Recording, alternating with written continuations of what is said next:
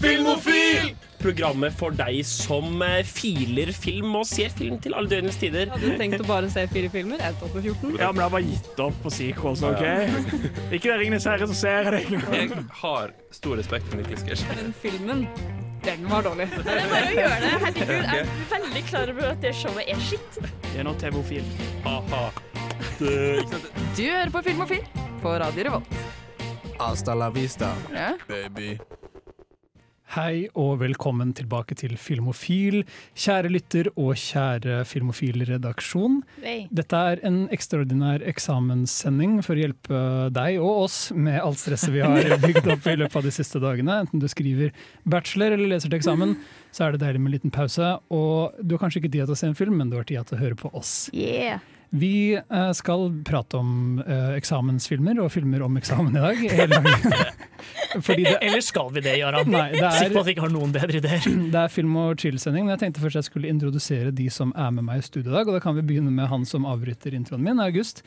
Ja, hei. Du er tilbake i studio for andre gang eh, dette semesteret. Ja, plutselig når det nærmer seg eksamenstid, så er det folk som slutter å møte opp, og da kommer jeg tilbake. Det er Du har vi ikke deg. eksamen, ja. du da? Jo, men jeg bare bryr meg ikke like mye. Jeg håper uh, professorer og lærerne dine hører på nå, August. Mm. Vi har også med oss en special guest. Håkon, Ja, hei. du crosser over fra nerdeprat. Ja, Det er tenk- bra vi her i radioen kan samarbeide litt. Nei, huff. Mindre av slikt. Nerdeprat er jo på en måte uh, filmofil med litt spill ispedd. OK. er det ikke det? Har jeg feil? Hva ja, Jeg vet ikke helt. Er Nei. Dere snakker litt om anime og diverse filmatiske ting, da. Jo, jo, selvfølgelig. Nye. Ja. men- Det er også faste medlemmer i studio i dag, Trine. er det ikke det? ja. Du er på teknikk, Ja. og det er godt å se deg. Du har levert bachelor, det skal vi feire hele denne sendingen. Uhu. Jeg har ikke levert bachelor, og jeg heter Jaran. Nå, nå skal vi høre Earth, Wind and Fire spille September for oss. Det stemmer, der hørte vi September av Earth, Wind and Fire, selv om vi er i mai. Det er snart 17. mai, og ingenting får meg i mer maistemning enn September av Earth, Wind and Fire. OK. Ja, Det er alt dere har å si til det, men jeg vet at du brenner inne med noe, August. For du, er liksom, du, du står i studio i dag og bare skjelver og dirrer uh, i spenning. For du Eh, har sett noe siden du sist var her. Ja, jeg har sett noe som var ganske spennende, faktisk. Eh, noe som fikk meg til å skjelve litt eh, i stolen min. Eh, jeg var på kino på mandag og så Øss. Å ja! Så bra å høre. Den har jeg gleda meg til å prate om ganske lenge. Hva syns du? Eh, nei, jeg, dette er jo på en måte andre filmen til Jordan Peele. Eh, han fikk jo veldig, veldig mye hype rundt Get Out, som jeg Ja. egentlig bare syntes var helt OK. Eh, men med oss så hadde han hevet ambisjonsnivået veldig mange hakk. Og på en måte nærmet seg mer eh, eh, den, den fungerte kanskje dårligere som en ren skrekkfilm, men jeg satt igjen med veldig mye mer å tenke på etterpå. Da. Eh, så, så jeg var kjempefan. Uh, Øss går på kino nå i disse dager, fremdeles. Mm. Så det går an å få se den på kino, så vi skal ikke spoile for mye når vi prater om den nå. Men jeg har lyst til å prate litt om akkurat dette. Fordi når du nevner Get Out, så har jeg tenkt mye på Øss siden jeg så den. Mye mer enn jeg var forberedt på å gjøre. Uh, og den bygg strukturen til Øss er på en måte en invers av Get Out. For mens Get Out begynner veldig løst og åpent, og liksom sakte, men sikkert beveger seg mot en helhetlig konklusjon, så går går på en måte Øst motsatte veien. Hvor Mm. du har flere spørsmål på slutten av filmen enn du har i begynnelsen. Eh, Jeg satte veldig pris på det. Jeg tror når jeg prata med Øst på sending, så sa jeg bare at dette er ikke en film du må ta på alvor. Du må bare tenke at nå har du et mareritt på en måte i to timer. Mm. Eh, Jeg vet ikke om du har en annen take på det? Ja, for Enten så er det det, eller så bare krever den veldig mye jobb å plukke fra hverandre. Jeg ser for meg at dette er en film det om et par år kommer til å eksistere noen kjempeinteressante artikler om, som på en måte plukker den fra hverandre og på en måte viser fram hva den egentlig handler om. Jeg føler på en måte at Jordan Peele har en slags mer sånn helhetlig plan, men den, den funker så bra selv uten at du forstår det også. Den er veldig bare sånn sanselig opplevelse, og alt er fett å se på. En av mine favorittting som Jordan Peele har gjort i både Get Out og Us, er jo hele den greia med typ sånn konstant frampek hele Mm. tiden. Eller symbolisme. Um, så jeg vet ikke om det er greit å snakke om Get Out. Jo, vi må, kan fort nevne at plottet er at en familie er på ferie og møter dobbeltgjengerne sine, da, på en måte. Plottet til øst, da. Plottet til øst, ja. Ja. Get out! Du kan sånn- godt prate om Get Out også. Kjør på. Den er lov å spoile nå, vel. Den har vunnet Oscar og alt mulig. Ja. Eh, jeg, jeg kan i hvert fall forklare løst der, da. Det er jo um, Det er en mørkhudet person eh, som har eh, kjæreste til en hvit familie. Og så kommer blir, Skal han besøke dem, og så er det noe som er litt rart der. Um, og så er det veldig veldig hinta til kanskje det er rasisme, hva kan det være, og lignende.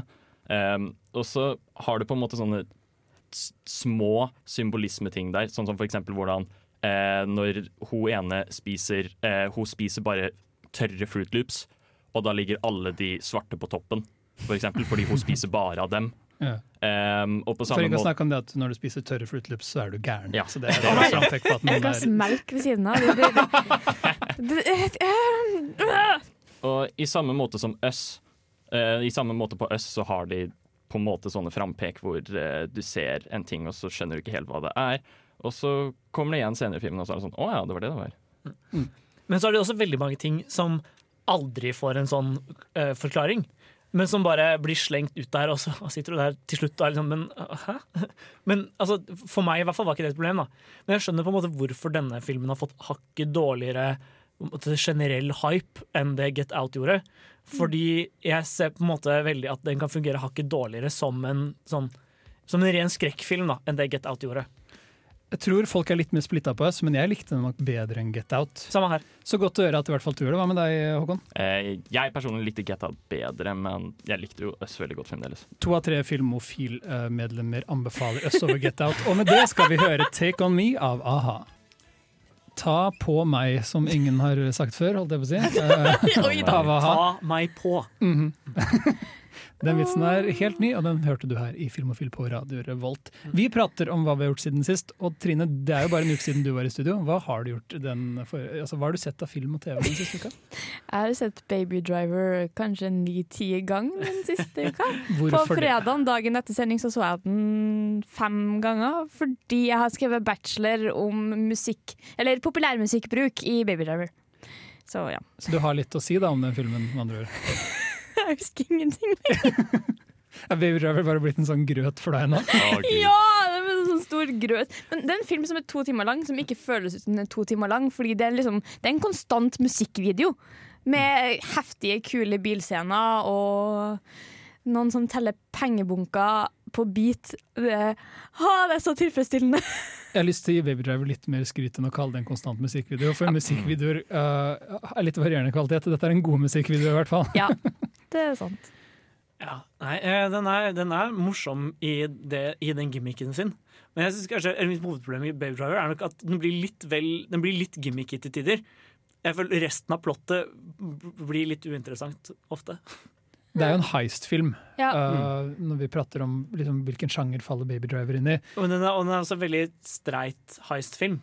Bortsett, fra bortsett fra det at alt skjer i takt med musikken rundt. Det beste med en heist-film for meg er ofte kaller av karaktergalleriet, og med unntak av hovedkarakteren, Baby, altså er spilt av mannen med verdens rareste navn, Ansel Elgort, Mm. så er jo de resten av karaktergalleriet bare helt altså on fleak, for å si det. Så, altså, Jamie Fox, 'Crushing It'. Oh. John Ham-karakteren. Uh, altså Den største tvisten med på måte, uh, filmen er hvordan hans karakter utvikler seg. Og Ja. Det føles som en veldig naturlig utvikling, egentlig. Og de, og de, å, de har så mange frempek til, han, til hva som skjer med han i musikken. Det er helt Mhm. sinnssykt. Det er sånn Å, hvorfor har ikke jeg plukka på det her før? What the fuck? Fordi du ikke hadde sett den ni ganger på rad. Vil du anbefale noen å se Baby Driver mer enn én gang, Trine? Ja. Ja. er. Men det er sånn, jeg har Men mer enn seks ganger. Ja. Men det er liksom eh, Det kan være for at jeg er en av verdens største Edgar Wright-fan. Det Mm. kan godt være det òg. Men det er liksom, jeg har sett den så mange ganger, og jeg er ikke lei av filmen ennå.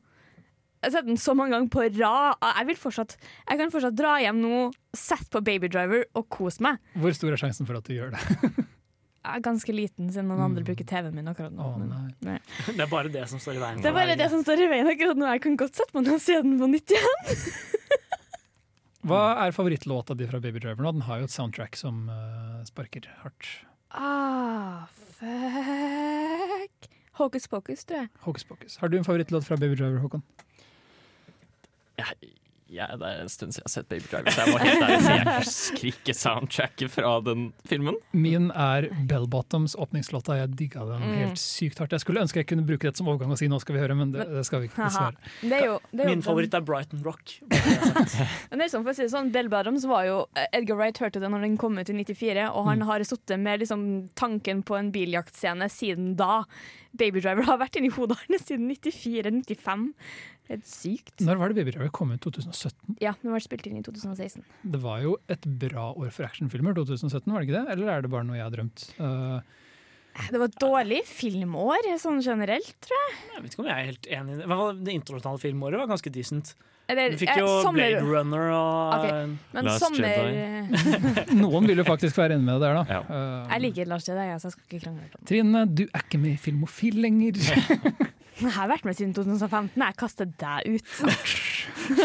Tenk at uh, Last Jedi har muligheten til å kunne, uh, til å ødelegge selv de, de tetteste knyttede familier.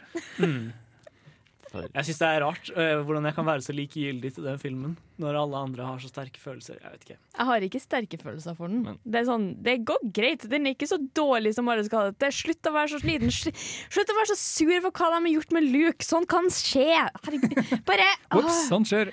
ja, men, øh, det jeg jeg syns heller ikke den filmen er så ille som den skal, men det med Luke kommer jeg faktisk ikke til å være med på i det hele tatt. Det er det eneste. Jeg Åh, det er så er helt enig i alle som er utrolig aggressive om den filmen. om. Nei.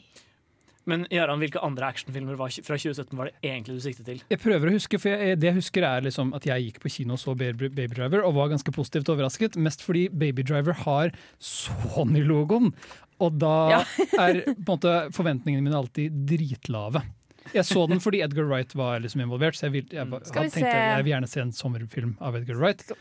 Og var veldig positivt overraska. Men Logan kom ut døra. Ja, eh, John Wick 2 kom, Atomic Blonde, Justice League Thor. Thor Ragnarok, i alle fall. Ja, men uh, Thor Uh, var slett ikke Shit-filmen. Guardians of the Galaxy 2 kom. Spiderman Far From Home, Fast and Furious 8. Og Kong Skull Island. Far From Home, faktisk. Homecoming. Trine, husker du uh, Eller på en måte det ble feil å si husker du, men det er litt rart å høre deg liste alle de store action-blockbusterne fra sommeren 2017. Og så tenke på at nå skal vi liksom Skal vi få en Marvel-pause? Du, du har liksom fire Marvel-filmer inn i den lista der eh, på et år, og, og nå er det liksom Er det egentlig Er vi litt fri fra det nå? Eh. Far From Home nå i juli, da. Ja, men Det er ikke noen andre filmer som kommer det- Marvel-filmer som kommer dette året? Utenom den der ene New Mutants X-Men-filmen, som ikke Om er en den Om den kommer i det hele tatt, og Ja. den har blitt flytta så mange ganger. Mm, Og så er det Dark Phoenix da, som kommer, men uh, ja.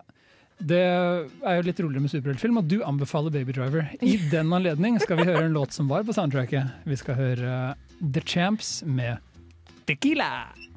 Skål da, gutta! Tequila! Ja, det er feststemning her i Film og mens vi kobler av fra eksamenslesing. Det håper jeg du gjør også. Kjære lytter, vi prater om hva vi har gjort siden sist, og du har jo vært på Film og før, Håkon, selv om Ja. du er vår special guest. Mm. Uh, hva har du sett siden sist gang du var her på Film og Siden sist gang der, der er det jo veldig mye å hente fra. Uh, men jeg kan jo for så vidt gå til min forrige kinoopplevelse, som var nå på fredag, hvor jeg var på kino og så den koselige lillefilmen Detective Pikachu. Detective Pikachu. Den har faktisk Filmofil anmeldt. For de som vil lese den anmeldelsen, så kan de klikke seg inn på radiorevolt.no slash filmofil. Hva syns du? Um, den var egentlig akkurat det jeg håpet på. Og det vil altså si, Jeg hadde ikke store forventninger til denne filmen her. Um, jeg håpa på at den skulle være en grei, underholdende, koselig film som Og det, det, det virka jo som at de var rettferdige med source material, og det var det jo faktisk. Som, um, ja. som nerdeprater, har du spilt måtte spille måte spillet Detective Pikachu? Det har jeg faktisk ikke. Nei. um, men uh, de, de er jo veldig bare sånn Det er veldig tydelig at de som har laga denne filmen, bryr seg om Pokémon og alt det der. Ehm, Alt det der. alt det der. Den, den, den lille spillserien som handler om disse dyra, ikke sant? Den lille spillserien som kunne. Ja. um, men den var, den var Jeg syns den var akkurat det. da Den var veldig underholdende. Uh, og den, den var koselig, og jeg ble glad av å se den. Du ble det, fordi når jeg så den, eh, det var jeg som anmeldte den, spoilers, så hadde jeg um, Søren, Jarand, nå spoila du hele anmeldelsen. Ja, det, vel- jeg spoiler den litt nå, for jeg, den, fikk, den vakte så lite respons for meg at jeg liksom tenkte at jeg, jeg forventa noe nostalgi. da. Ja. En slags bølge av nostalgi skulle komme av meg, uavhengig om filmen var bra eller dårlig. Mm. Men den ga meg på en måte ingenting. Og så ble jeg sittende og tenke denne er egentlig litt for mye for veldig små barn. Og den er uh, litt for barnslig for tenåringer. Skjønner du hva jeg mener? Ja. Og den, er, den ga ikke meg nostalgi, og den var i hvert fall for dum for meg. um, og da ble jeg sittende med litt sånn, hvem, hvem er det som skal se denne filmen, mindre, de, med mindre du vil betale 150 kroner for å gå Ja! når Pokémon-teamsangen kommer. Uh, for det gjør den. Spoilers for Detective Pikachu. Men du, du hadde en mer emosjonell Um, respons, da. jeg sy- altså, som en film så jeg vet jeg ikke om jeg skal si at den er så veldig bra. Um, jeg vil ikke si at den er dårlig heller, men først, og- jeg syns tonen av filmen var veldig veldig sånn fram og tilbake. Så Ja. liksom, filmen starter veldig trist, egentlig.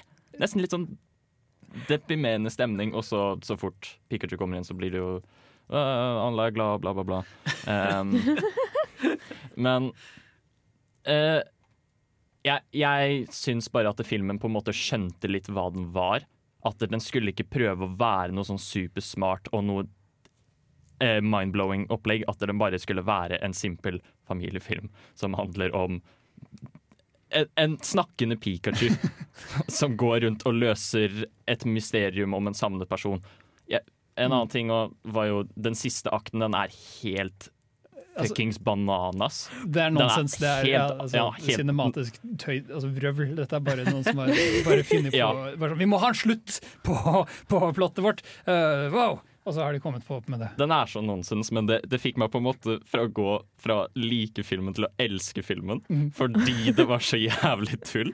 Det blir, jo, det, blir jo, det blir jo så nærme en barnefilm kan komme slokk. Altså rent straight up uh, tull og tøys. Ja. Jeg tror vi skal ta en liten pause, men det er bra at vi har fått muligheten til å prate litt om Detective Pikachu. Det har jeg hatt lyst til en Mm. stund. Vi skal høre I've Got A Dream, og artisten som spiller denne, det står oppført som Disney Characters. Kanskje du klarer å huske filmen denne låta er fra. Hei, mitt navn er Atle Antonsen. Du lytter til Filmofil på radio Revolt, og det gjør du helt til programmet er ferdig. Ja, det gjør du helt til programmet er ferdig. Det sier vi hver gang vi spiller denne jinglen, fordi eh, Atle Antonsen er mer kreativ enn hele Filmofil-redaksjonen til sammen. Åh. I hvert fall når det gjelder uh, promoer. Jeg elsker den promoen. Um, eller jinglen. Vi er jo her, Filmofil, og har vår eksamens-chill-spesial. Vi bare slapper av og nyter at vi ikke leser til eksamen. Det er nydelig vær ute, og da er det perfekt å se en film eller prate om hvilke filmer du har sett siden sist. Så det er min Wow. tur.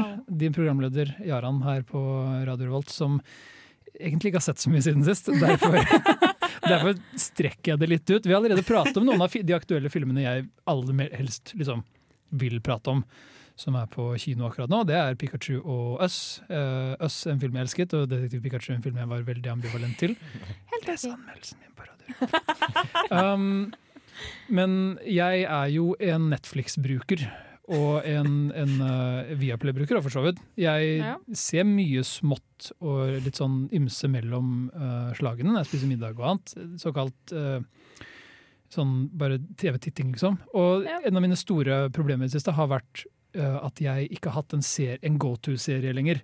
Jeg har brukt det opp. Jeg, det var en lang stund jeg så opp Sopranos. ikke sant? Én episode Ja. hver dag. Og endelig har jeg funnet serien. Endelig har jeg funnet Oh. den. Uh, den har vært ute en stund, så dere har kanskje allerede sett den. Dette er Legion.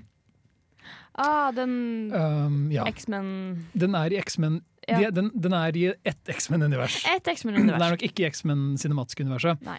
Men um, serien heter Legion, og plottet er om en ung mann som har Vel, han får beskjed om at han har schizofreni.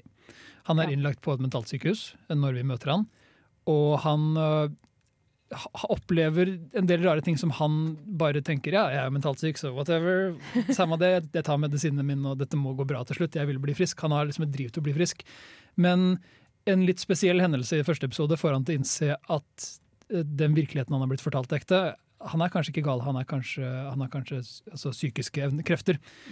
Og det viser seg at det finnes et helt samfunn av andre folk med ulike krefter, type X-Men, ikke sant? Ja, ja. og X-Men-logoen dukker opp inni her òg, som, uh, Så det er X-Men-universet. Som får han ut av denne anstalten og vil hjelpe han. da. Det er så klart en, en annen organisasjon som ikke vil at disse mutantene skal være aktive og prøver å jakte det ned. Men det er showet har hooket meg fra første episode.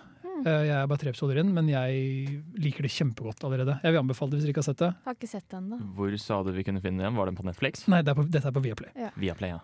Um, det finnes sikkert andre steder òg, men det ligger ute på Viaplay. Det er den ene streamingservicen jeg ikke har.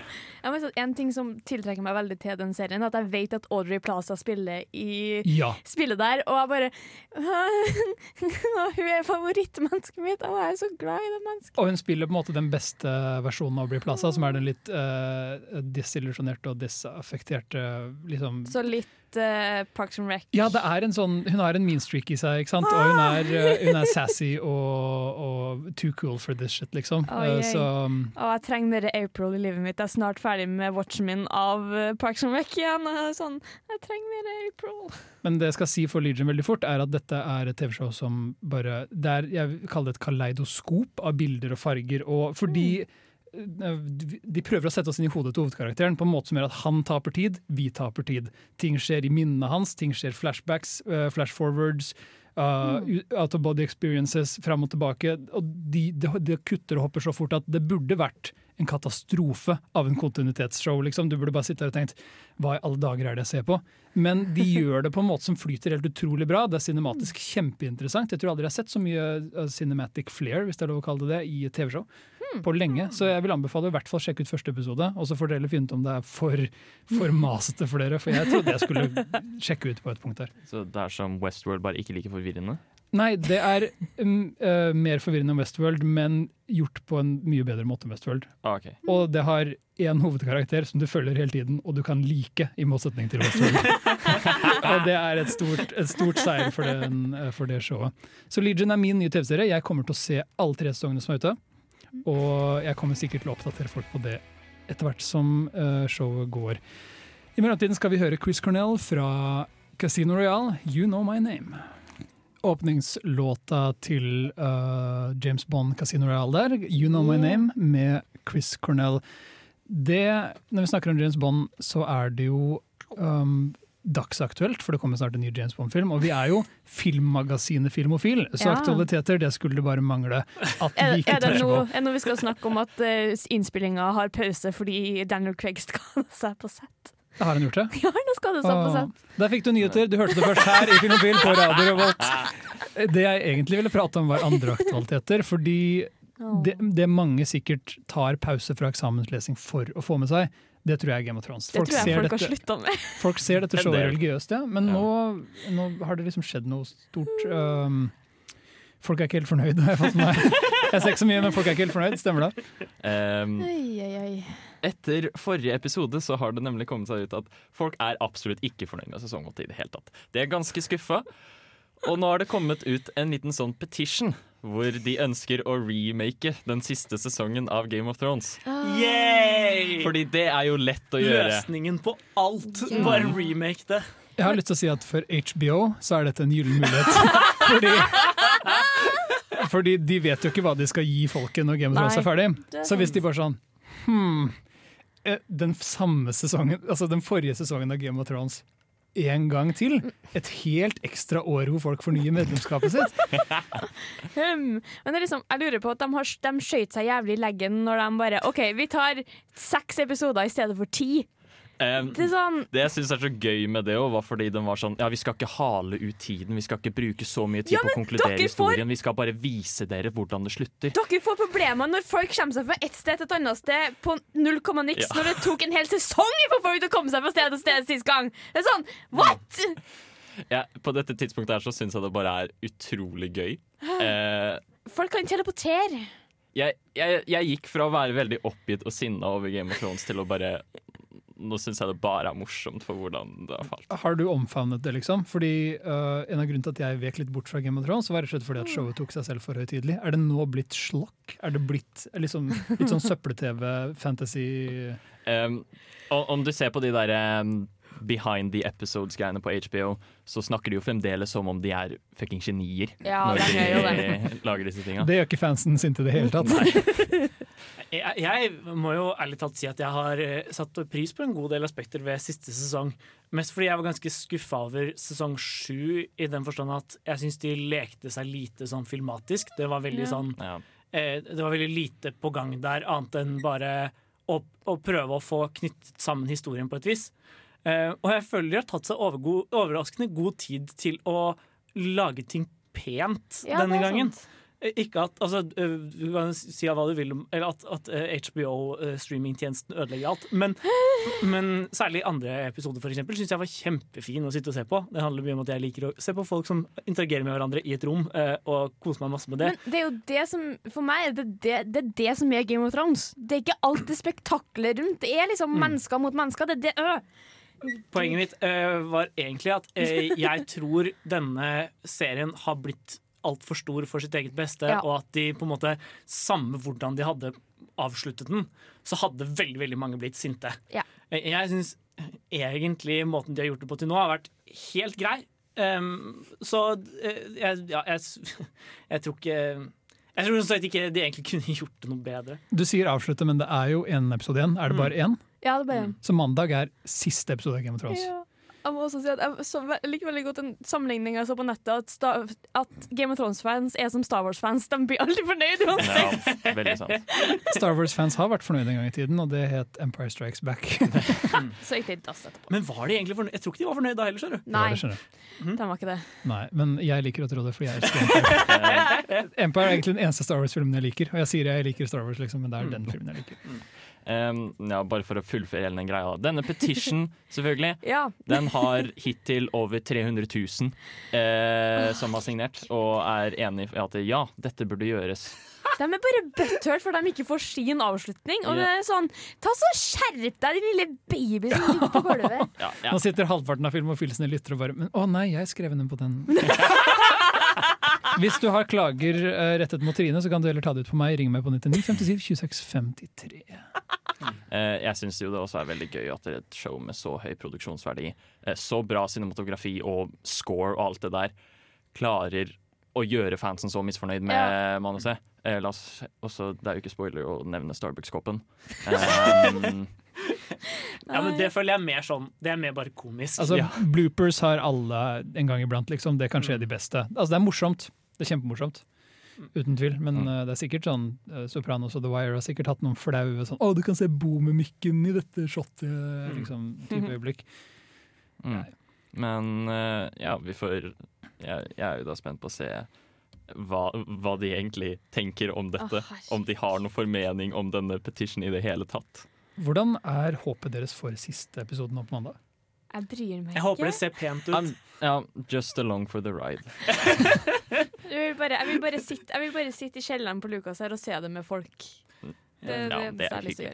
Det er koselig å se det med andre, i hvert fall. Det er sikkert den beste måten å se et uh, så spektakulært show på, for det skal de ha. Det ser fortsatt helt nydelig ut. Ja. Um, vi tar en liten pause fra Game of Thrones-praten med et skritt til venstre og et hopp til høyre. Alle sammen putt uh, hendene deres på hoftene deres og bend your knees in tight. Let's do the time warp again. Der var vi tilbake fra en liten time warp. Det var ikke um, Skal vi skru på tidsmaskinen? å dra tilbake til en enklere tid. Før, Før tidsmaskinen var en ting. ikke bare før tidsmaskinen var en ting, men før um, Star Wars-franchisen var et evig mareritt som ingen får lov til å våkne fra noensinne. Det er for en Segway. Ja, for en Segway. Fordi uh, noen må dø før Star Wars er borte, og det blir kanskje meg. Disney uh, har annonsert tre nye Star Wars-filmer. De skal komme i 2021 og fortsette derfra Nei, de skal ha pause til 2022. 2022. ja. Vi har, vi har tre år pause med Star Wars! Vi har tre års pause med Star Wars! og, Kommer det eh, ikke noe Star Wars Stories eller noe som helst? Nei, det blir ikke Star Wars før 2022. Var det ikke snakk om en Obi-Wan-film en eller annen gang? Ja? Det som kommer er på Disney Pluss, og det er den uh, Boba Fett-serien, eller The Mandalorian, som Ja. i dag er ikke Boba Fett, men det er en fyr i kostyme til Boba Fett.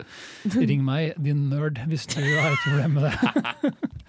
um, Det var jo snakk om at Ryan Johnson skulle få en trilogi. Jeg vet ikke om han er, er involvert, En, nei, han, er invo- han skal ha sin egen trilogi. som kommer når folk har glemt The Last Jedi.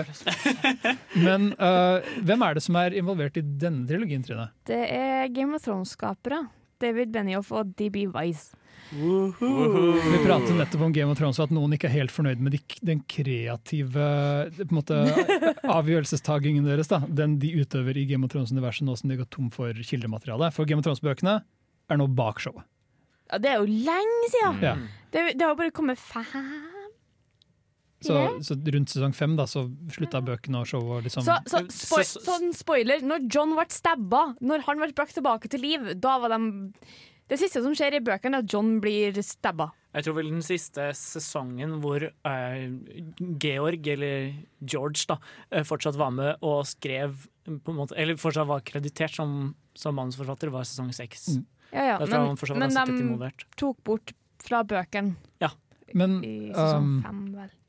Nå som uh, som jeg har skjønt at folk liker å kalle disse to mennene som jeg ikke husker navnet på, uh, skal gjøre Star Wars, så har jo ikke de mulighet til å være involvert i remaken av Game of Thrones sesong 8. Åh. Helt ærlig, siden det virker som de liker å fokusere på de mer spektakulære og litt sånn operatiske uh, aspektene ved fantasy, så kan det hende de gjør seg ganske bra for Star Wars. Hvem Ja, vet? det kan være. Ja, for dere som bryr dere om Star Wars, hva, hva tenker dere? Men det er liksom, Star Wars har aldri vært den, den, den filmserien med det beste scriptet eller noe sånt. Det har jo bare vært et, det er et spektakkel for 13-årige gutter.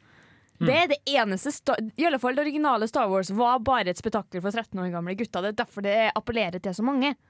Og det er sånn, Hvis en kan, kan gå tilbake til den originale Star Wars-følelsen, så hadde det vært kjempefint. Star Wars fra 1977 har en litt sånn spesiell feel, som du nevner, en Ja. følelse ved seg, som gjør at du har lyst til å besøke universet. Det virker som et interessant sted å være for en sci-fi fantasy-setting. Og Empire Strikes Back er faktisk en av de beste filmene noensinne laget. Ja, ja. Det mener jeg der. Den har et kjempebra screenplay, god regi, effektene er helt vidunderlige for 1980, og det er noen av de mest ikoniske tingene noensinne puttet på skjerm. Nesten alt fra Empire Strikes Back er nå bare brent inn i det kulturelle kollektive Ja. minnet. Vi kommer ikke unna det. Empire Strikes Back har hatt en helt vanvittig impact eh, sånn pop, i popkulturverdenen. Men bortsett fra det, så er sannheten det at de andre Star Wars-filmene Når folk tar de opp liksom i samtaler, så er det ingen som Eller det er noen, da, men det er veldig få som liksom sier Nei, eh, Clone War er den beste. Eller eh, um, Force Awakens er faktisk den aller beste Star Wars-filmen. Det er veldig sjelden for noen har så veldig mye varmt, liksom overveldende positivt å si om de andre. Fordi de så dem når de var små. Ja. Det er det.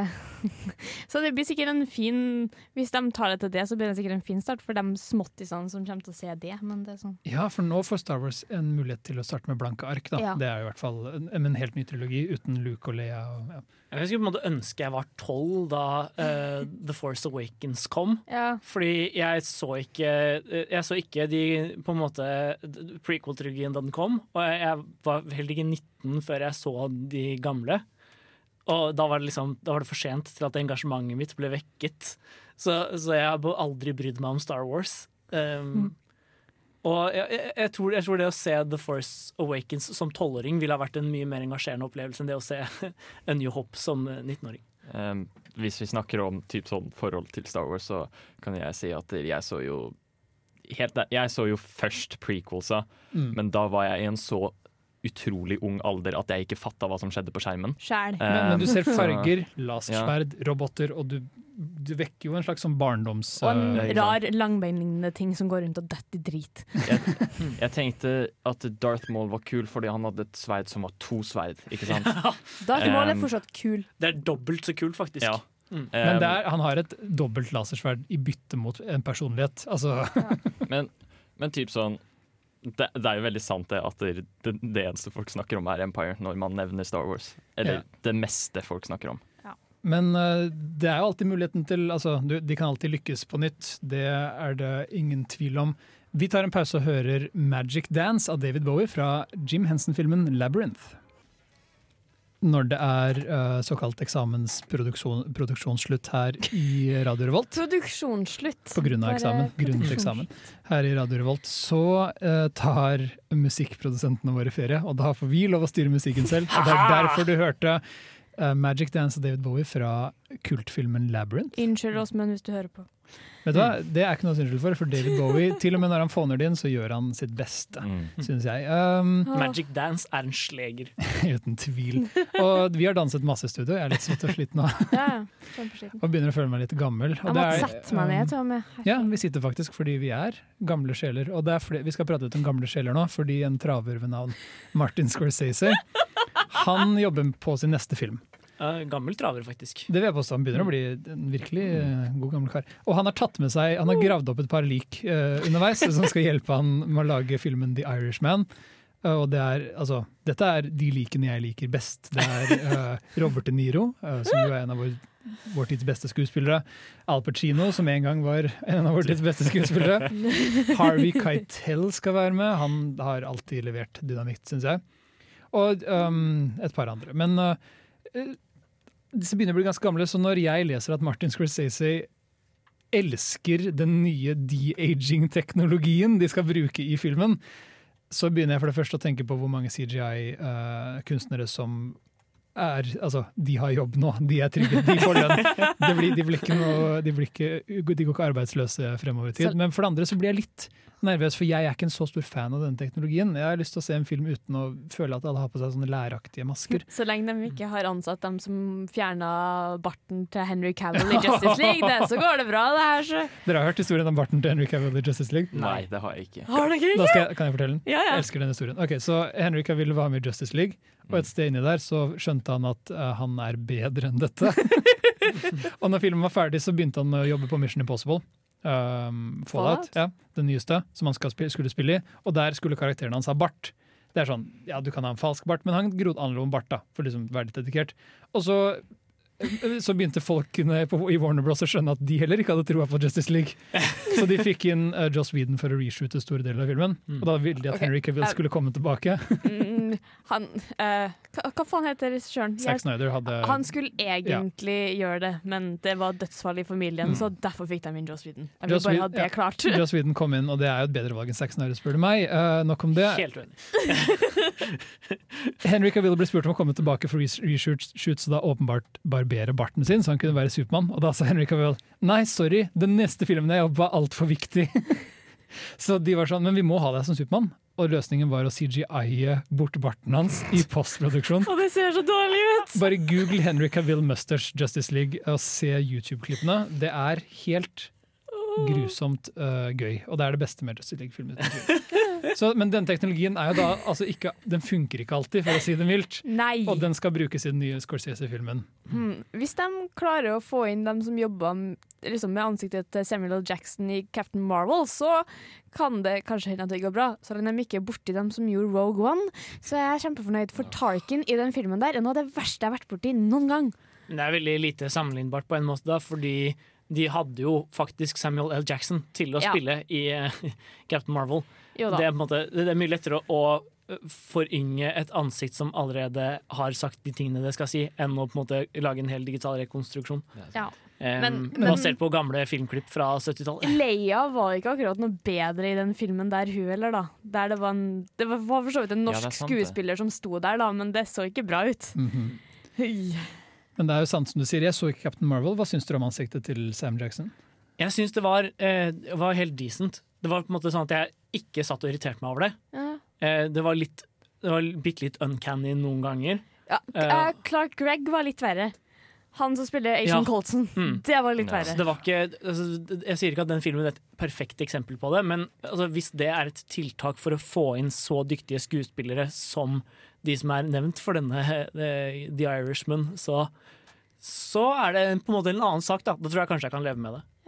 Jeg tror det kommer til å bli et uh, mobsterdrama som vi får kanskje sett i Little Italy eller noe oh. av den. Eller det blir jo Irishman nå, da, for så vidt, Mm. men uh, mange av disse er italienere.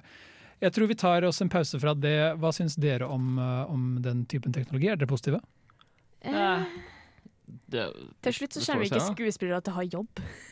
Nei, det er jo det som er problemet.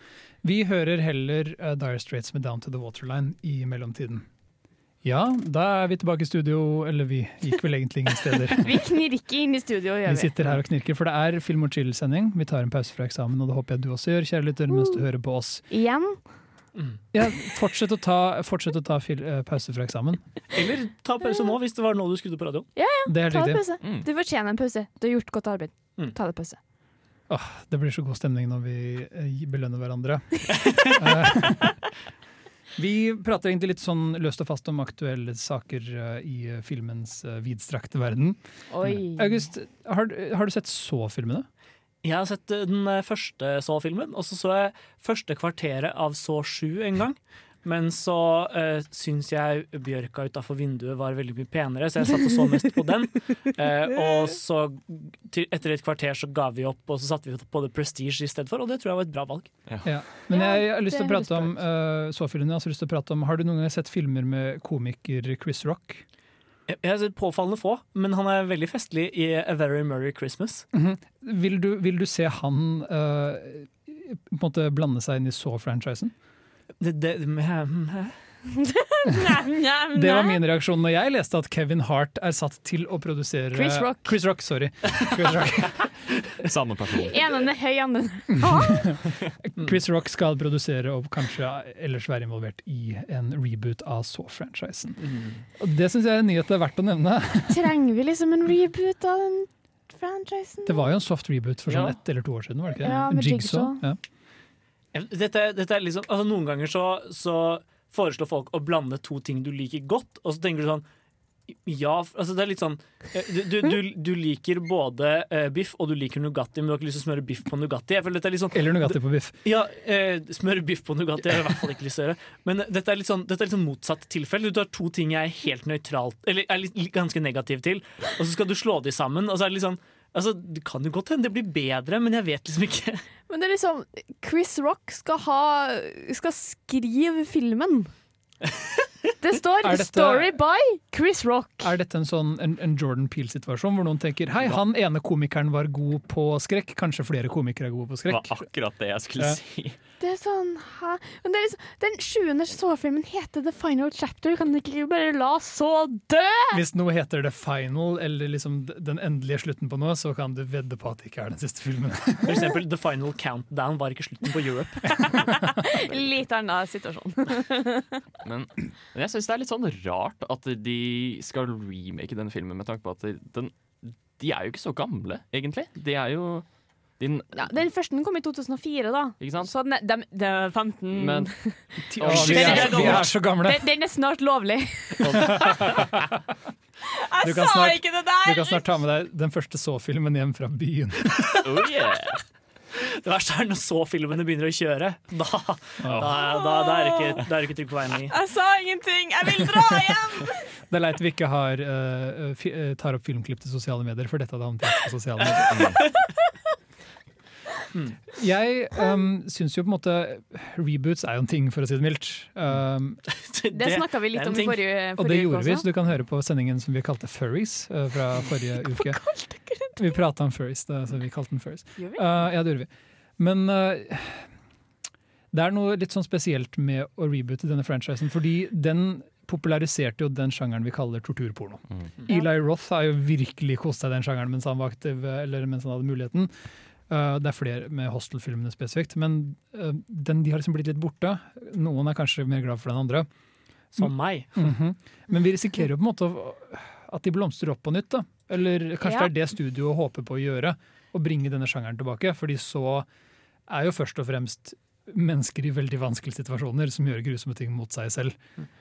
Jeg, jeg tror på en måte ikke en revitalisering av så-franchisen kommer til å funke, fordi måte, dagens skrekkfilmterritorium er noe veldig annet enn det det var på midten av 2000-tallet. Um, altså, torture porn var liksom sin egen sjanger en periode. Uh, ikke skjønner jeg helt hvorfor det ble det, men nå har den heldigvis dødd ut og gitt på en måte nytt liv til en mer sånn en mer intellektuell horrorfilm igjen, og det har jeg satt kjempepris på. Mm. Jeg vet hvorfor uh, torturpornofilmene tok av, bare for å nevne det fort. De har til og med en vits på det i Sopranos, altså en plotline som er en spoof av det. Og det er at så filmen kostet sykt lite penger og tjente helt vanvittig mye. Og studioene sa hva hvis vi tar akkurat denne filmen og lager den på nytt ganger ti, og bare fortsetter å bruke modellen? Og så tok det på en måte litt av, og så ble det en ting fordi det viste seg at publikum ville gå og se det. Ja, ja, det er mer del to av det jeg lurer på. Hvorfor, Hvorfor? gikk folk og så disse filmene?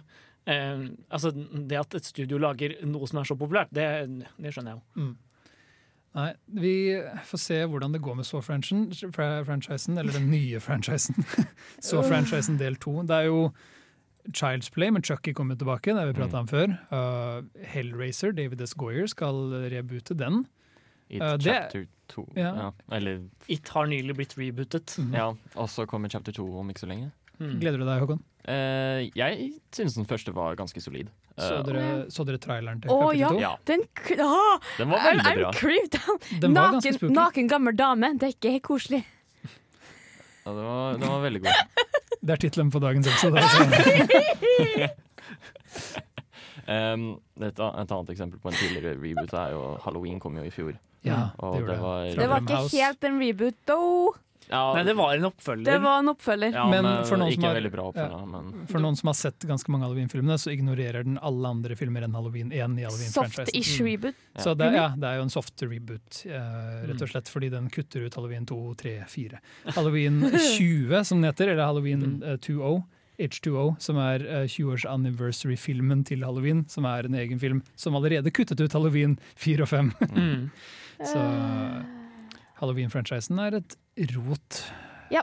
Jeg vil se fredag den 13. bli reboota. Uh. Vil du det det? er jeg enig i. det.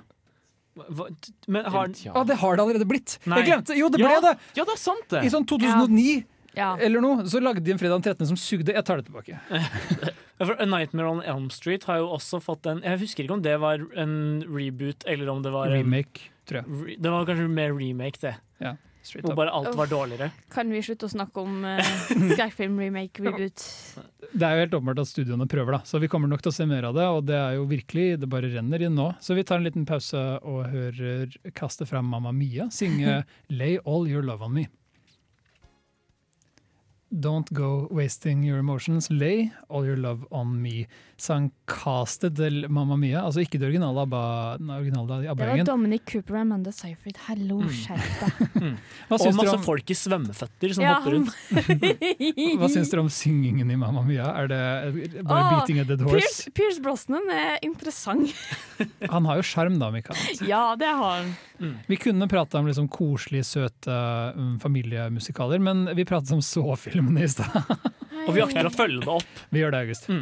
For vi, vi tenkte, som sa, da, Chris Rock plutselig skulle være involvert i det her, så begynte vi å lure på hvilke andre karakterer kunne vi involvert i Saw-franchisen for å gjøre det litt mer interessant. Så eh, spørsmålet jeg har til dere i dag er rett og slett hvilken filmkarakter skulle dere ønske dere var i en Saw-felle med?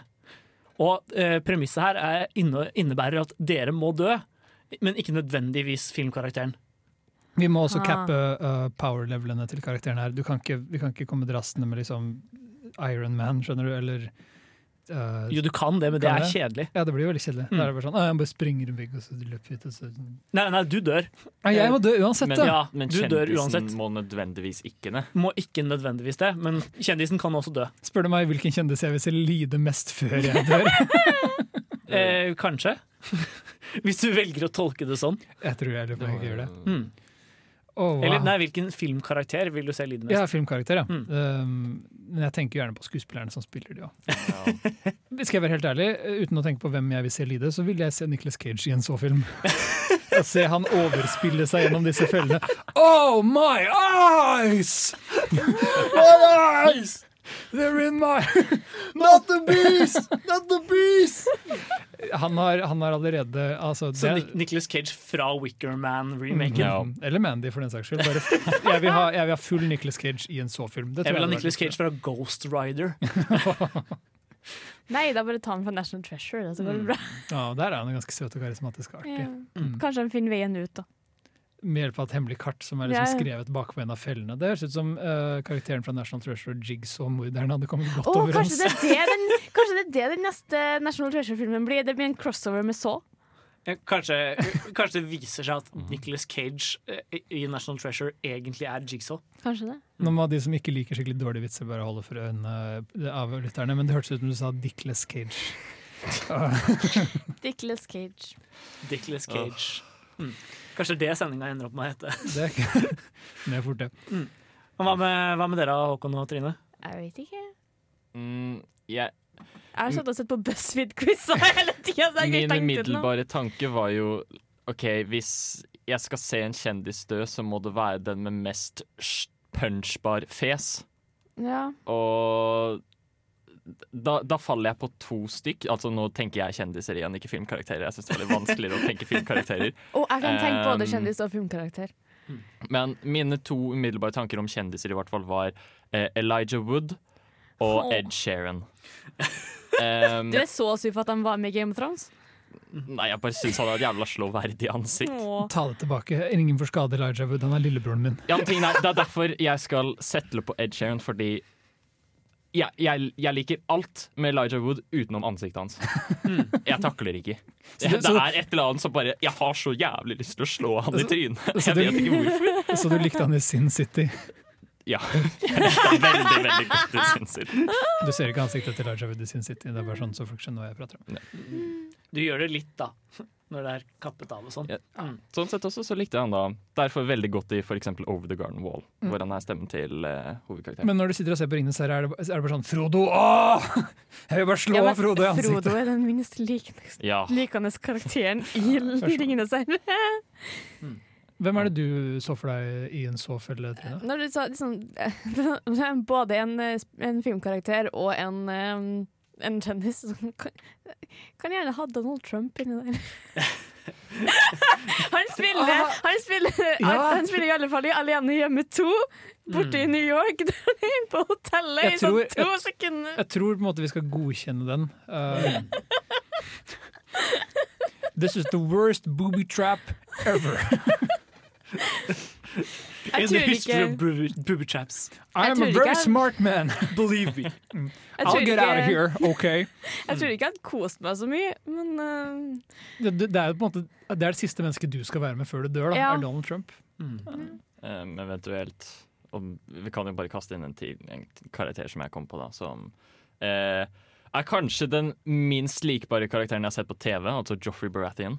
jeg tenker på, den sjøl. så den er veldig lett vei ut, men eh, jeg går jo bare ut ifra at de kommer til å dø. Og da tenker jeg det her er de jeg hadde hatt minst imot å dø. Jeg, jeg tror kanskje jeg ville gått for noen som kunne trøste meg og uh, fortelle meg at ting kom til å gå bra, selv om det ikke kom til å gå bra. Mens de som sakte stikker en kniv inn i deg og bare «Ja, 'Jeg skal bare ha den nøkkelen som er inni tarmen din, August. Det går greit. Ta det rolig. Pust med magen'. Pust. Mm. Så, så jeg, jeg lurer på sånn uh, ja, Morgan Freeman fra Seven eller noe sånt. This will be all right. Ja, så lenge det ikke Morgan Freeman. Han får ikke lov til å dø ennå. Ja, men det kan hende Morgan Freeman kommer seg ut. Det ja, liksom... Ja, men det liksom- kan også hende at han dør. Oh, wow. Så Jo, men, men ikke nødvendigvis. ikke nødvendigvis. Eh, men hvis, hvis, først eh, noen, eh, hvis først noen skal eh, drepe meg, så tror jeg jeg hadde blitt, latt meg Jeg tror det hadde- hadde gått lettere for meg hvis det var noen som på en måte Men det kan være Gud fra, fra Bruce Almighty. Mm. Det blir kjedelig igjen, for da fikser han det bare. på en måte. Ja, Men du skal dø, Gøran. Selv om det er Gud som er der. Vi skal alle dø en dag. men da får, du, da får du trøst av Gud, da. Ja. Kanskje jeg er garantert å komme til himmelen hvis Gud Ja. er der når jeg dør, liksom. Eller det, det siste han sier er sånn Du er bare et jævlig menneske. du.» Gud bare gir deg fri pass til himmelen fordi det er han som må drepe deg. Når vi prater om Bibelen, så kan vi jo ta en liten pause. Ikke gå noe sted, men hør heller på Lazarus Oi, av David Bowie fra albumet hans Black Star. Hei, jeg er eh, Agnes Kittelsen, Og jeg er Aksel Henning, og det er viktig at uh, dere hører på Filmofil. filmofil. Det er viktig at du hører på Filmofil, for vi er det eneste filmmagasinet på Radio Revolt. Mm. Så når du først hører på Radio Revolt og trenger litt film eh, Litt, bare prat, litt prat om film. Så, så får du jaggu håpe det når Ja. vi går. Jeg håper at du uh, ser på film når du ikke hører på oss, og så håper jeg du hører på oss når du ikke ser på film. Ja. Men det Eventuelt er, at du gjør begge deler på en gang. det er eksamenssending i dag, så vi skal liksom bare destresse litt, vi også. Alle trenger av og til å bare skru av hjernen og ta en BuzzFeed-quiz. Ja! så jeg har funnet en BuzzFeed-quiz som forteller hvordan ikonisk filmkarakter man er, basert på filmsma filmsmak. Så det som er problemet nå, at vi er fire mennesker med litt forskjellig filmsmak som skal ta en quiz sammen. Og som er gode på å krangle om film, alle sammen. Det tror jeg kanskje er det største problemet. Det blir mye klassikere her, da. Så vi, Mm. dere får jo høre på en måte litt sånn raske takes på klassikere fra oss. Det er jo noe av kanskje motivasjonen med å ta denne quizen. At da kan vi diskutere filmer vi vanligvis Som vi alle har et forhold til, men vanligvis ikke prater om her på Film & Film Skal vi si det som at alle får én stemme hver, og så har én dobbeltstemme, sånn at vi unngår eh, sånne Er det den med høyest ansiennitet som har dobbeltstemme, kanskje? Eh, Eller er det Eller er det programleder? Det Ja, jeg liker det, jeg liker det Ja. konseptet kjempegodt. OK, vi starter med Kubrick. -hmm. Så da har vi å velge Vi kan velge Barry Linden, 2001 En romodyssé, Spartacus, Lolita, Shining eller Clockwork Orange. Barry Linden. Clockwork Orange. Og jeg er dobbeltstemmer på 2001. Og Trine. Shining. Da ble det 2001. Men er, er, er, er din favoritt faktisk Barry Lyndon, August? Det, du, har, du snakket jo varmt om den forrige sending. Eller for to Eh, Ja, det er, jeg tror enten det er den eller Paths of Glory, men Paths of Glory var ikke et alternativ, så gjorde det lett for meg. Jeg hatet Eller det var litt sånn 2001 er en god film, men typ fram til i fjor, hvor jeg bare plut jeg så den på nytt og bare sånn Jeg elsker den filmen. Den har virkelig endret, uh, jeg har virkelig endret smak der over tid, så jeg anbefaler å se 2001 mer enn én en gang. Jeg, vet, jeg, jeg har sett den opp igjen, og og jeg likte den veldig mye bedre andre gang, andre gang jeg så den, men jeg er veldig glad i Berlin. Linden. Ok, Nå skal vi videre til Tarantino. Der har vi Kill Bill, Pulp, Pulp Fiction, Django Unchained, Inglorious Bastards, Reservoir Dogs eller The Hateful Eight. Inglorious Bastards. Inglorious Bastards. Inglorious Bastards. Jeg hadde tenkt å si Glorious Bastards når jeg sier Kill Bill, fordi fuck dere. Glorious Bastards tar vel prisen uansett. Vi er, Ja. vel, vi er vel egentlig alle sammen enige om at det er en, en knallfilm. Altså, Ja, ja. Glorious Bastards er kanskje ikke den beste Tarantino-filmen, men den har så få feil. Da jeg så den opp igjen sist, så var det bare sånn Jeg hadde tenkt å skru av, men hver scene som kom, var så bra at jeg ikke kunne skru av. Så jeg ble sittende og se på altfor lenge. Jeg skulle på jobb dagen etterpå, og sånn, men, men jeg bare klarte aldri å skru av. Hans Landa. Ja, jeg skulle til å nevne det, fordi Hans ja. Landa, jeg spilte av Christoph Waltz, det er en skurk jeg tenkte på bare for et par dager siden som en sånn Det er en av de beste skurkene skrevet fordi den bygger på en stereotype, en erketype liksom, av en Mm. karakter, men så har de bare utvidet den erketypen og liksom virkelig klart å flashe det ut og lage Du vet øyeblikkelig hvem han er, men han fortsetter å overraske deg gjennom hele filmen. Ja. Og, det liker jeg kjempegodt. Ok, Vi skal videre til Scorsese. Mhm. Scorsese. The Irishman. Ok, der har vi Taxi Driver, Goodfellas, Raging Bull, The Wolf of Wall Street, The Departed eller The Age of Innocence. Må man velge? Å, oh, uh, faen uh, The Departed. Jeg tror jeg går for Departed, ja. Jeg lander på Raging Bull, jeg, faktisk. Taxi Driver. Da er det time mellom Departed og Raging Bull, men jeg Mm, tror hæ? eh, vi kan ja, For jeg Nei, jeg er dobbelt stemmen din teller bare dobbelt hvis det er likt. Ah, Det er sånn sånn det funker. Ja, Urettferdig. Ok, da er det The Departed, da. Det er jo ikke en dårlig film, det heller. Nei, det er jo ikke det. Ok, Vi skal videre til Francis Ford Coppola. Der har vi Apocalypse Now, The Godfather, Patten, Dracula, The Godfather Part 2 eller The Rainmaker. Har han ikke produsert Patten? Han er ikke regissør av Patten, eller husker jeg feil?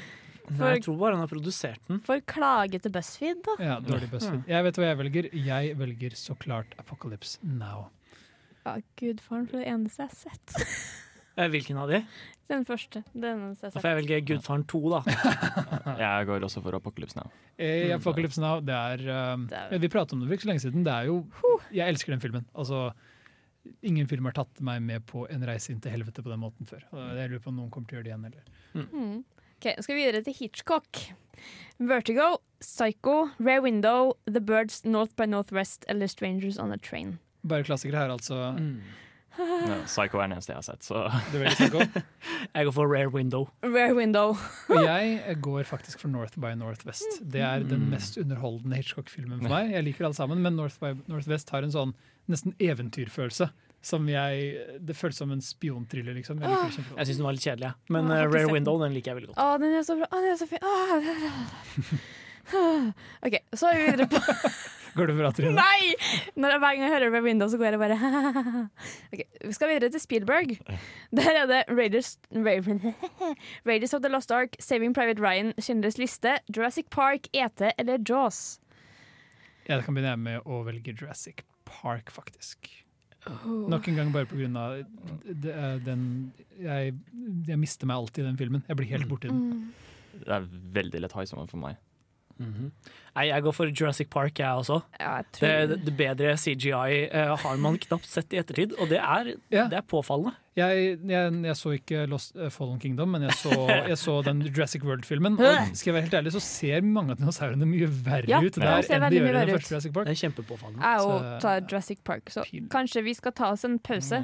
Fordi det, Ja, vi, det det- kan hende vi må dele BuzzFeed-quizen i to. For Ja, dette Søren! jeg tror vi må gjøre det. langt. Du kan føre hvilken uh, klassisk filmkarakter vi er etter å ha hørt Depresno med Mr. Big. Then what is it like, Mr. Big? Hvis det ikke er sånn. Hva det er um, Depresno, de er vel bergensbaserte, uh, hvis jeg ikke husker feil. Så det er norsk musikk. Og det, det setter vi alltid pris på her okay. i Radio Revolt. Vi, har tatt, eller vi tar en quiz for å finne ut hvilken kjente Ikonisk filmkarakter. ja, fordi det er eksamen og vi trenger noe annet å gjøre. det håper jeg du gjør. Vet du hva, Hvis du går inn på BuzzFeed uh, akkurat nå, kjærligheter, så kan du ta quizen sammen med oss. Ja, det er sant. Hvorfor ikke? Ok, Vi har kommet til Wes Anderson. Der har man Hvor er Thomas når vi trenger han? og hjelp meg med den. Darjeeling Limited. Thank you! Og så Å gud, ikke jinx på lufta. Uh, så har vi The Squid and the Whale, som han bare har produsert. Og jeg er bare sånn Ja. Var han ikke inne på manussida der også? mm, Jeg vet ikke. Jeg lurer litt på det. Men det gjør ikke noe, for jeg kommer til å velge en av de andre filmene. Og så har vi Rushmore, Moonrise Kingdom, The Royal Tenenbaums og The Grand Budapest Hotel. Jeg har bare sett Grand Budapest, så jeg sier den. Jeg går nok for eh, Royal Tenenbaums. Jeg går nok for det samme. Jeg har sett alt sammen, og jeg lander faktisk på Grand Budapest. Jeg, også. jeg liker den kjempegodt. Mm. Så da er vi uh, to mot to, og jeg teller dobbelt. Så Mhm. ha, Håkon sikret meg seieren The Squid der. and the Whale er faktisk en av få filmer jeg liksom har, eller det, det er veldig sjelden jeg skrur av en film underveis. Oi. Men akkurat Squid and the Whale gjorde jeg det med, fordi det, jeg, jeg ble så kleina ut av, han- av han hovedpersonen. Han, Det, altså, Jesse Eisenberg. Av, av, å, jeg hatet den karakteren. men egentlig Apropos sånn punchable ansikt. Han, han skulle jeg gjerne hatt med meg i. I, Batman vs. Supermann så hadde jeg faktisk lyst til å myrde Jesse Eisenberg. Å, vi skulle ha hatt med Jesse Eisenberg i soverommet i stedet. Ja, Han skulle vært der. Vi skal videre til Ridley Scott. Mhm. Ja. Der har man Thelman Louise, The Martian, Gladiator, Blade Runner, Alien eller American Gangster. Jeg har lyst til å begynne her fordi Blade Runner er min nummer én favorittfilm gjennom tidene. Jeg er så svak for den filmen. Uh, Den endret livet mitt, så jeg lander på Blade Runner uten tvil. Jeg har problemer mellom Alien eller Blade Runner. Ja. Jeg har det lett her, for Gladiator er faktisk min kanskje noen nummer tre-film eh, i, eh, i historien. Så, så for meg blir det den. Det Men det blir, det blir ikke den vi tar. skjønner du. Nei, jeg skjønner jo det, da, men jeg ønsker å formidle min kjærlighet til den filmen likevel. jeg skal si Alien. Trine, det er ditt valg nå. Du har makten. Å, gud! You've got the power. Jeg tror jeg må gå for Alien. Altså. Da blir det Alien, da. Selv om jeg er kjempeglad i Blade Ja. Men... Vi skal slåss etterpå, Trine. Ok, Den siste vi skal innom, er David Lynch. Der har man Blue Velvet, The Elephant Man, Mulholland Drive, Eraserhead, Dune eller The Straight Story.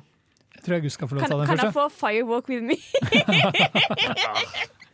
Det er en av de filmene som begynner ligner mer på Firewalk With Me enn andre. Sånn. Jeg begynner med The Straight Story, rett og slett. Fordi jeg elsker den filmen. Det er min favoritt-Lynch, eh, på tross av at det er den minst lynchske filmen som han har Det er en veldig streit film. Den er veldig streit, Hvis den men den ikke har blitt er, jeg, ja, jeg, jeg faller så for han fyren som bare sitter på gressklipperen sin og skal besøke broren som er syk. Jeg, Det jeg, noe, jeg blir så dypt rørt av den at jeg ikke kan velge noe det er noe litt sånn send over hvor enkel den er. Skjønner du Ja. hva jeg mener? Den er Sånn, den, er så, den er så enkel og simpel at det nesten blir spirituelt. Eh, jeg tror jeg kanskje bare velger Dune, ja, faktisk. Wow. Wow. Det er det vi forventet minst her, eh, faktisk. Eh, Jeg var litt sånn 'hvorfor er den på lista', tenkte jeg. jeg, Ja, jeg har sett uh, Jeg har sett Eraserhead, og den syns jeg er Ja, Helt den er noe. um, men Dune har et svakt sted i hjertet mitt fordi den Ja, jeg vet ikke hva jeg skal si. Visuelt så fanger ja, visuelt så fanger nok Dune deg. svakt? Ja. Eh, jeg er svak for den, da. Ja. Det er bedre å si. Visuelt så fenger du den, men den er tre timer med uforståelig Altså bare sånn et slags oppgulp av en Ja. film. Jeg er uten tvil med Lone Drive. Oh. Once again, Trine. Ja, kun for at jeg ikke forstår Jeg, klarer- jeg har sett Mulholland Drive to ganger, men jeg kan ikke forstå den. Jeg, jeg går for Elephant Man, faktisk. Men Mulholland Drive vinner, da, siden alle var Mm. delt. Og, jeg har, Yep. eh, og det er den beste David Lynch-filmen, så så enkelt er det bare. Alle venter på resultatet. Vil du kjøre trommevirvel, Trine? Ah, Hvilken knapp er det igjen? Um, det er den. Der, ja. Vi ble uh, Scarlett O'Hara from Gone with the Wind. Oi. Jeg skjønner ikke hvordan vi endte opp der. Jeg, Men, jeg, skjønner, jeg skjønner ikke BuzzFeed-quizen. Men altså, jeg kan godt sånn. være Scarlett O'Hara, jeg. Ja, hvorfor ikke? Vi er Filmofil. Vi er eh, Scarlett O'Hara fra Gone with the Wind og Tomorrow Is Another Day. I den anledning så hører vi Lincoln Park. Men, men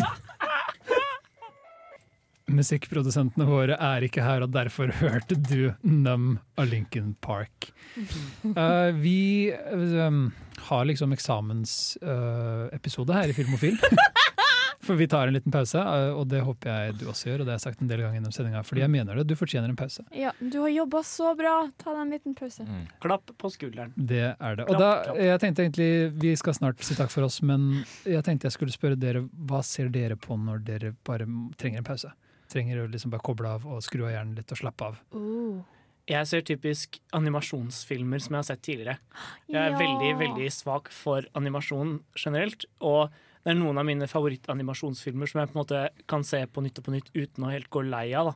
Ja. Så Er det en spesifikk litt sånn, er det Pixar, eller er det mer sånn litt ymsebare? Har du noen Naushika uh, fra Studio Ghibli Ja. er veldig høyt opp på den lista over ting jeg kan sette på når jeg bare skal kose meg skikkelig. Eh, og på en måte ikke tenke for Men den, den, den, den stimulerer meg på veldig mange måter fordi den på en måte Men eh, nei, den, eh, den er både på en måte Åh, dette er knall radio. Det, det kjenner Vi er jeg på meg. jeg er sliten! Dere tvang meg ned hit i dag! Jeg vil ikke Vi er glad for at du er her, Trine. Men, eh, men den er i hvert fall både eh, veldig sånn Den har veldig godt budskap, og den har god action, og så er den også veldig søt. Eh, så det, den ser jeg egentlig og Kanskje Rango er også på lista. Kan du si tittelen på den Ghibli-filmen en gang til? Nausicaa. Nei, ikke sett, så kanskje jeg skal Princess sjekke of den the Valley of the Wind. ut. Eh, høres ut som en veldig sånn serene og rolig den første filmen de lagde. Den minner litt om Laputa og Mononoke. Åh, ikke la Hva med deg, eh, Håkon? Um, jeg pleier Når jeg skal på en måte glemme meg litt bort, så er det jo to veldig go to, som er enten en feel good-film, Mm. der er det jo veldig mye å velge mellom, eh, eller en sånn helt absurd actionfilm, så du bare glemmer litt at det skjer andre ting. ikke sant? Så min umiddelbare tanke der er jo eksempel Mad Max Free Road.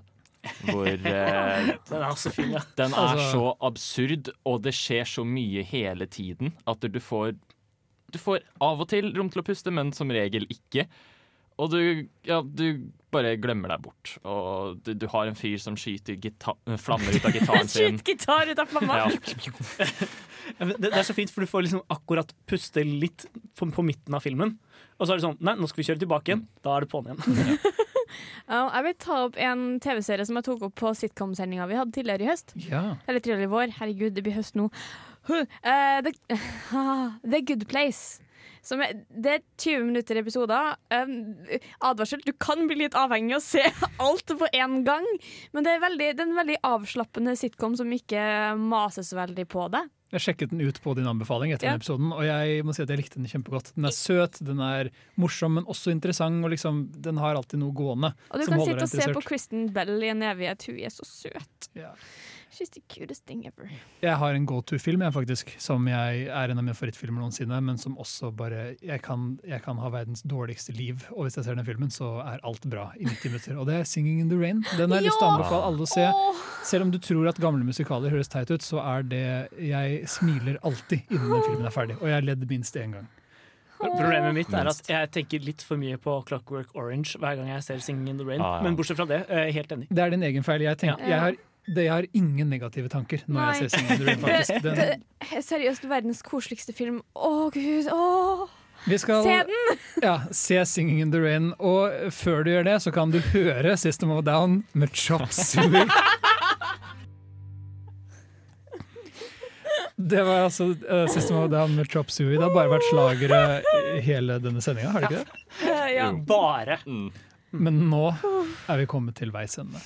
Vi skal takke for oss og takk for følget. Takk for at du har hørt på oss. Vi har vært Scarlett O'Hara fra Gone with the Wind. Og uh, with our powers combined, holdt jeg på å si, er vi Trine. på teknikk. Jeg heter August. Håkon. Vår special guest. Og jeg har vært din programleder og erkenemesis Jaran. Vi er kanskje tilbake neste uke. Det, så lenge det er produksjonsslutt, så er vi litt av og på, vi i Filmofil. Men det er nesten alltid noen som orker å dra seg ut av um... Jeg er fortsatt ikke ferdig med eksamen da, si. Nei, det er helt riktig, jeg er ikke ferdig med bachelor. Så vet du hva, vi sier ha det til denne gang, uh, eller til neste gang. Om det er neste uke eller ikke, det er det ingen som vet. Men du kan jo kose deg med Doja Cat sin Moo i mellomtiden. Ha det bra!